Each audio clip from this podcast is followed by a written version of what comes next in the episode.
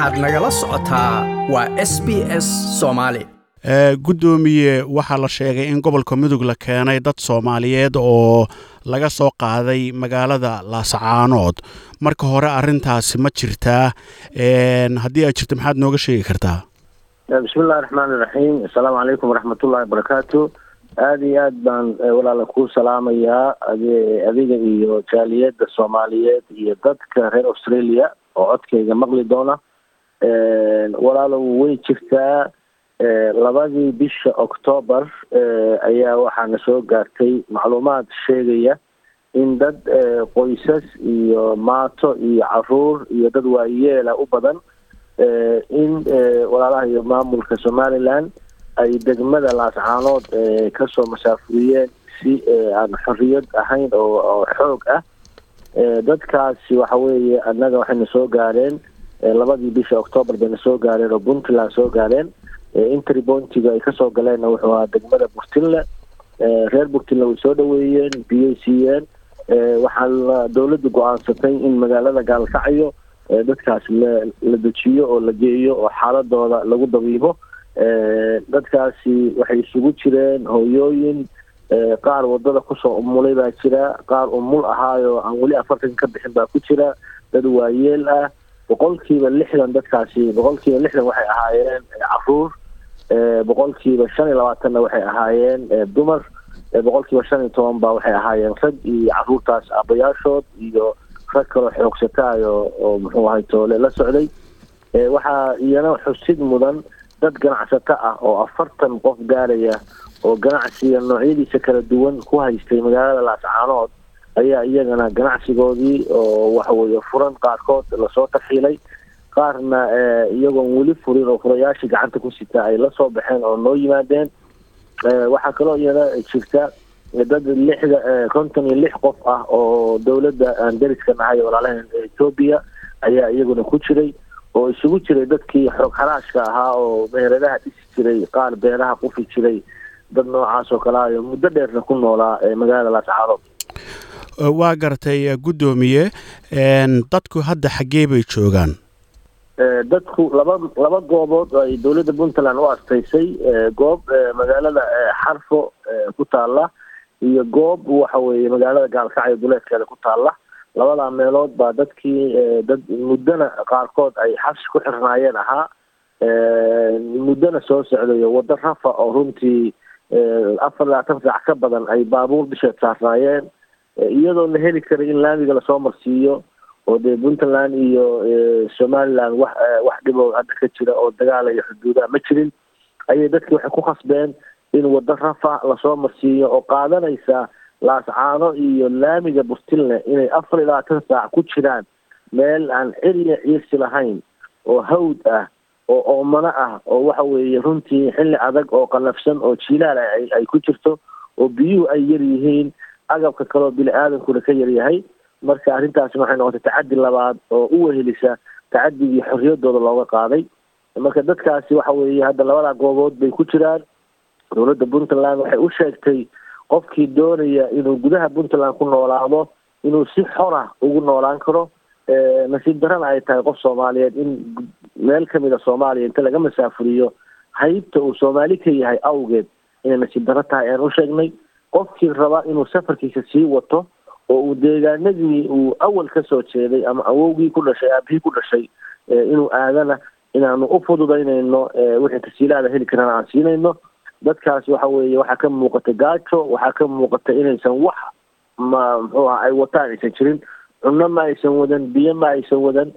Qof walba labada shay uu qabo wuxuu isaga bedela ma haysan hooyooyin gaariga dushiisa ku soo umulay oo dhiig baxay baa ku jiray kuwo umulo ah oo habeeno habeeno dhalan baa ku jiray kuwo xaamilaa baa ku jiray. Marka dadkaasi waxa weeye maanta waxay joogaan meel soomaaliya ka mid ah oo aan laga sheeganayn wax fuquuqa oo ay la aysan jirin. Waxaan saaka diyaar diyaar u nahay dadkii iyagu goostay inay soomaali soomaaliya koonfurta soomaaliya aadaan inaanu amba bixino weji wanaagsan iyo walaaltinimo aan ku amba bixino dadkii goostay iyagu go'aansaday inay joogaan puntlandna inaanu inaanu dibadejin u samayno wixii aan tari karno karaanka iyagana aan tarno maxamuudow dadka yaa keenay ma dadka keenay ma dad maamul dowladood u eg bay ahayn mise shicib baa waday? Dadkaas baabuur iyaga laftigooda la soo khasbay oo la soo qafaalay baa waday. Waxa weeye qoliyo iyo gaadiid haysan baa geesaha ka socday. Marka waa dad la khasbay iyo gaadiid lagu soo khasbay oo ciidanka maamulka somaliland ay ku soo khasbeen oo ay wadeen weye darawaliinta qaar inay dadkan qaadaan waxa weye waxaa ka muuqda jirdillo jirkooda ka muuqda oo in lagu khasbay cadaynaya marka iyo dadka laftigiisa la soo la soo barakiciyey ayaa waxay ka marag furayaan gaadiidka soo qaaday uusan xor ahayn ciidan ay wadeen. Marka waxa weeye ciidanka dowladda puntland markay la soo gaadiidkii iyo ciidankii weliba way u lugaan way arkayeen baraha bulshada warar lagu qorqoray baa waxay sheegayaan in dad baabuurtaa waday iyo baabuurtiiba la xidhxidhay oo puntland ay ku xidhan yihiin. Warkaas miyuu jiraa? Maya walaala maya ma jiro ma jiro ma jiro wax gaadiid ah furiyadooda taqaana ma jirto maadaama goobaha hadda dadka aan dejina ay yihiin goobo ku meel gaar ah oo rabnaba saaka wixii gudbayana inaan gudbino wixii kalena aanu xarumo kale goobo kale u diyaarina aan geyno gaadiid waa jiraa la harnay oo aan ugu talagalnay inay dadka musaafiriinta ah oo safarkooda sii wadanaya ay gudbi ay gudbiyaan. Iyo gaadiid aan ula harnay inay dadka meesha kumeelgaarka hadda aanu waxawey ku hayno ka kaxeeya oo meesha joogtada aan ugu talagalnay geeya laakiin cid aan xujiyadiisa ka qaadan ma jirto gaadidaydii iyo dawleyntii iyo kulli dadkii waxa weeye qaarna waa tageen way way laabteen qaarna waa nala joogaan rabitaankooda nagala joogaan inay dadkaan sii wadaan mee ilaa abitaanka ugu dambeeya ama goobaha ugu talagalnay ugu tiri gaalkacyo ah magaalada gaalkacyo gudaheeda ay nala geeyaan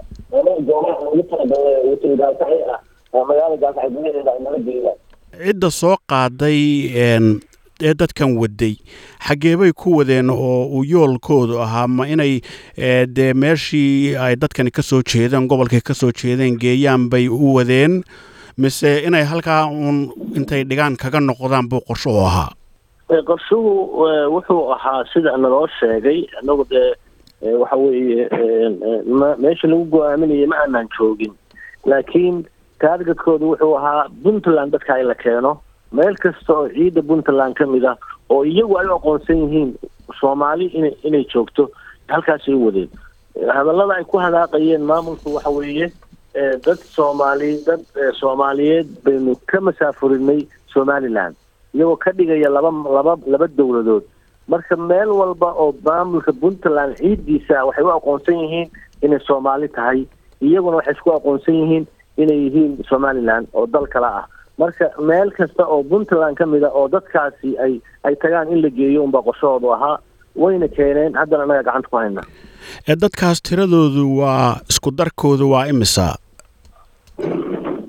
Walaalow qulqulku weli waa socdaa xalay kuwo kalaa yimid kuwo iyagu iskood gaadiid u soo kaxaysanayaa jira oo waxa weeye markay arkeen de sida nin walaalkii loo xiray aadna soo qoyso dadka hadda anagu aan sida officialka ula soo wareegnay waa saddex kun iyo iyo soddon iyo toddoba qof. Saddex kun iyo soddon iyo toddoba qof. Dadkaasi waxay isugu jiraan afar boqol siddeetan iyo sideed qoys oo caruurtii iyo hooyooyinkii iyo maatadii ah oo noqonaya laba boqol laba kun sagaal boqol labaatan iyo sideed afar boqol afar boqol sideetan iyo sideeddaas waxay noqdeen shaksiyaad markii laga dhigay laba kun sagaal boqol labaatan iyo sideed waxaa jira dadkii xoog xoogsatada ahaa oo soomaalida ahaa boqol iyo sagaal qof oo dadkii xoogsatada ahaa oo isugu jira ganacsato iyo dadkii farsamada guryaha iyo beeraha ka shaqayn jiray. Waxaa kaloo iyana jira konton iyo lix qof oo ethoobiyan ah oo iyaguna waxa weeye dadkii beeraha iyo xoolaha iyo waxaa raaci jiraya isugeyn dadkaas markii shaksiyaad la yidhaahdo waa saddex kun iyo soddon iyo toddoba qof. Ilaa hadda dad dad dadkana soo gaaray oo aanu koonta garayna wey dad soddon sano laascaanood ku noolaa oo thirty generation ku dhalay baa ku jira. Ilmihii ku dhashay baa ilmo ku dhalay.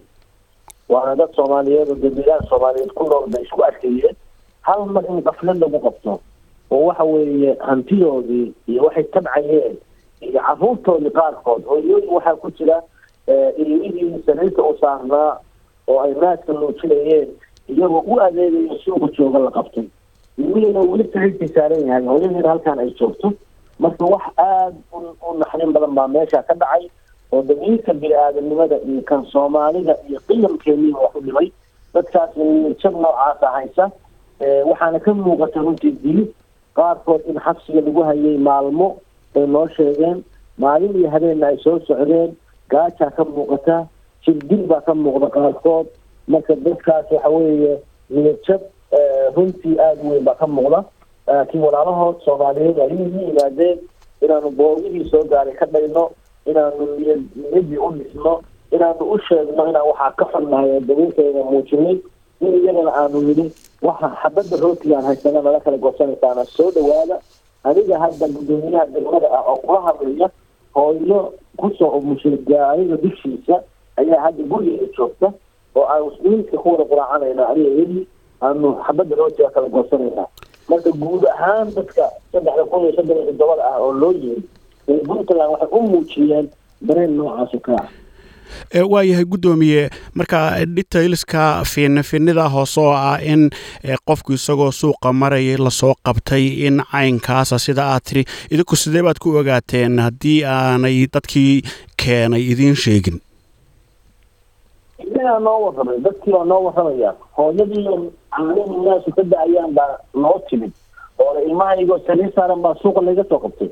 This is wax evidencia weeye aan diyaar u nahay inaanu hooyooyinka noocaas oo kale aanu saxaafadda xataa u soo bandhigno? Kuwa jirjir ku muuqdaan baa waxa weeye saraakiisha caafimaadkaan u geynina tusayaan qoriga daadkiisa hooyo hooyo ka muuqata cirideeda waxa weeye wax oo cad weeye waxaanagu hadda aanu cid walaalahaya aanu dembiga saarayna ma jirto. Waa gartay. Dadku ilaa hadda ma muujiyeen in ay rabaan waxa ay rabaan walaalle noqosh ku noqosho laas caanooda cid hadda noo sheegatay ma jirto. Marka laga reebo dadka ganacsatada ah oo hantidoodii in lala doono doonaya oo aanu isla shalayba gaadiid basasa u kareynay garoowa tegay isimadii puntland iyo isimada gobolka sool oo degmada laascaanood ay ka wada hadlayaan iyo dadka shacabka ah oo samaha jecel in dadka hantidoodii loo soo celiyo laakiin cid kaleo hadeer muxuu ahay toole ku haminaysa inay dib laascaanood ugu noqonayso. Ma aanan arag iyadoo dee dadka shacabka ah reer laascaanood waxay geysteenaysan jirin dee xukuumadda meesha ka jira ay go'aankan qaadatay. Waxa marka dadku intiisa badan ay qorsheynayaan inay sii socdaan oo safarkooda sii wataan oo waxa weeye ay aadaan original deegaamada ka soo jeedeen. Dadka qaarna waxay leeyihiin deegaankaas iyo kan hadda aan joogno waa isuukaayamide meel hana la geeyo oo aan iyada laftigeeda maanta rabno inaanu dadkii go'aankaa qaatay inaan dejino dhul ay leeyihiin aan siino ceelal iyo biyo iyo muxuu ahay toole iskuulaadna uga samayno. Guddoomiye muddo inteen leeg ayaa gobolka mudug ay culeyskaas hayn karaan baad u malaynaysaa. Dowladda federaaligase wax ma ka hesheen kaalmaa walaalow dowladda federaalka kasakow baaqa ra'iisul wasaaruhu uu diray wax naga soo gaaray oo taageeraha ma jirto. Dadka reer puntland waa dad jecel inay walaalahooda soomaaliya dhib kasta iyo dheeb kasta la wadaaga.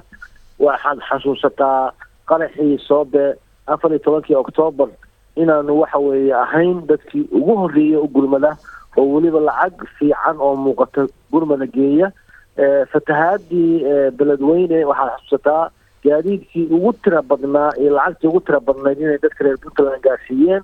Dadka walaalahaya ah oo sida xooggaa loogu soo barakiciyey degmada laascaanood waxay puntland hayn kartaa in fiican bay hayn kartaa. Haddeerba waxa weeye dowladda puntland oo degmada gaalkacay ay wakiil ka tahay ayaa soo haysay muddadii hadda saddexda maalmood ahayd oo cuntada iyo qadada iyo quraacda iyo cashada geynaysay. Shalay galab waxaa lagu soo bilowday gurmadkii shacabka oo waxa weeye hooyooyinkii hooyo walba saddexdii waqti oo cuntada ay karsan jidhay ay u qorshaysay mid ka mid a inay dadka walaalahooda ku taageerto. Marka haddii xataa aanan helin taageero federaal iyo taageero beel caalam ah waxaanu hayn karnaa inta ay jawigooda soo degi karaan oo ay la qabsan karaan.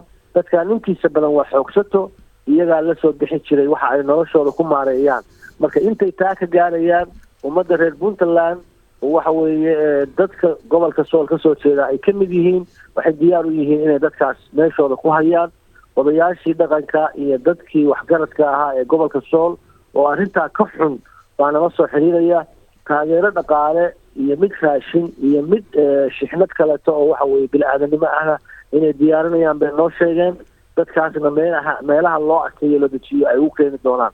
Culimaadudiinkii baa isxilqaamay guddiyaha boosaaso laga sameeyey garoowe laga sameeyey gaalkacay laga sameeyey.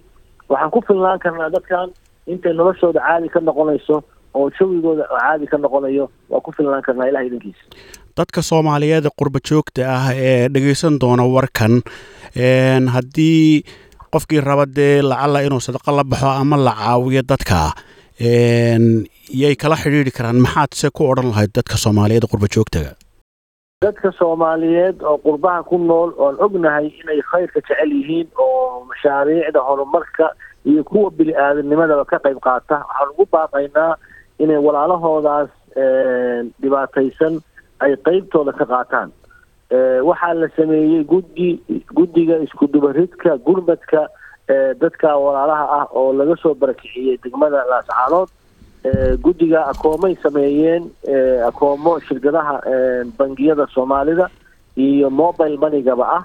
Waxay isugu jiraan culimaa udiinkii magaalada gaalkacyo ururkii hooyooyinka maamulkii dowladda oo xubin kaga jidho dadkii samafalayaasha ahaa oo saxaafadda ururadii dhalinyarada sagaal xubnood way guddigaasi waa idinla wadaagaynaa akoomadii bangiyada iyo kuwii mobile monigaba ah waxaanu ballan qaadaynaa waxa aada u soo didhaan inay gaaraan dadka walaalihiina oo aada u soo gurmateen waxaana leenahay sidii aada khayrka u jeclaydeen oo dadka ehelka ah ama dadka soomaaliyeed aada ugu gurman jirteen ugu soo gurmada xaggee bay kala xidhiidri karaan guddiyadaas loo qabtay aada sheegtay.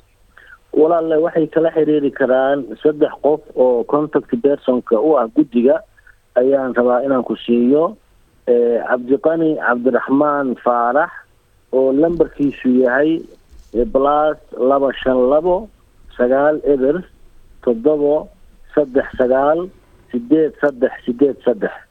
Qofka labaad oo contactiga oo guddiga waxa weeye cabdiqani cusmaan isaga lambarkiisu waxa weeye plus laba shan labo sagaal eber toddobo toddoba sideed afar labo laba sagaal. Qofka saddexaad waxa weeye bishaaro maxamed cabdisalaan. Lambarkeedu waxa weeye plus laba shan labo sagaal eber toddobo lix lix afar sagaal lix lix. Marka saddexdaa qof waa qof kastoo ka mida waa lala soo xiriiri karaa. Wuxuuna idinla wadaagi doonaa haddii lahaydma wixii aada uga baahataan macluumaad ah waxayna wakiil ka yihiin guddiga isku dubaridka ee gurmadka walaalaha ka barakacay ee degmada laascanood like as la wadaag wax ka dheh lana soco barta facebooka ee sb s soomaali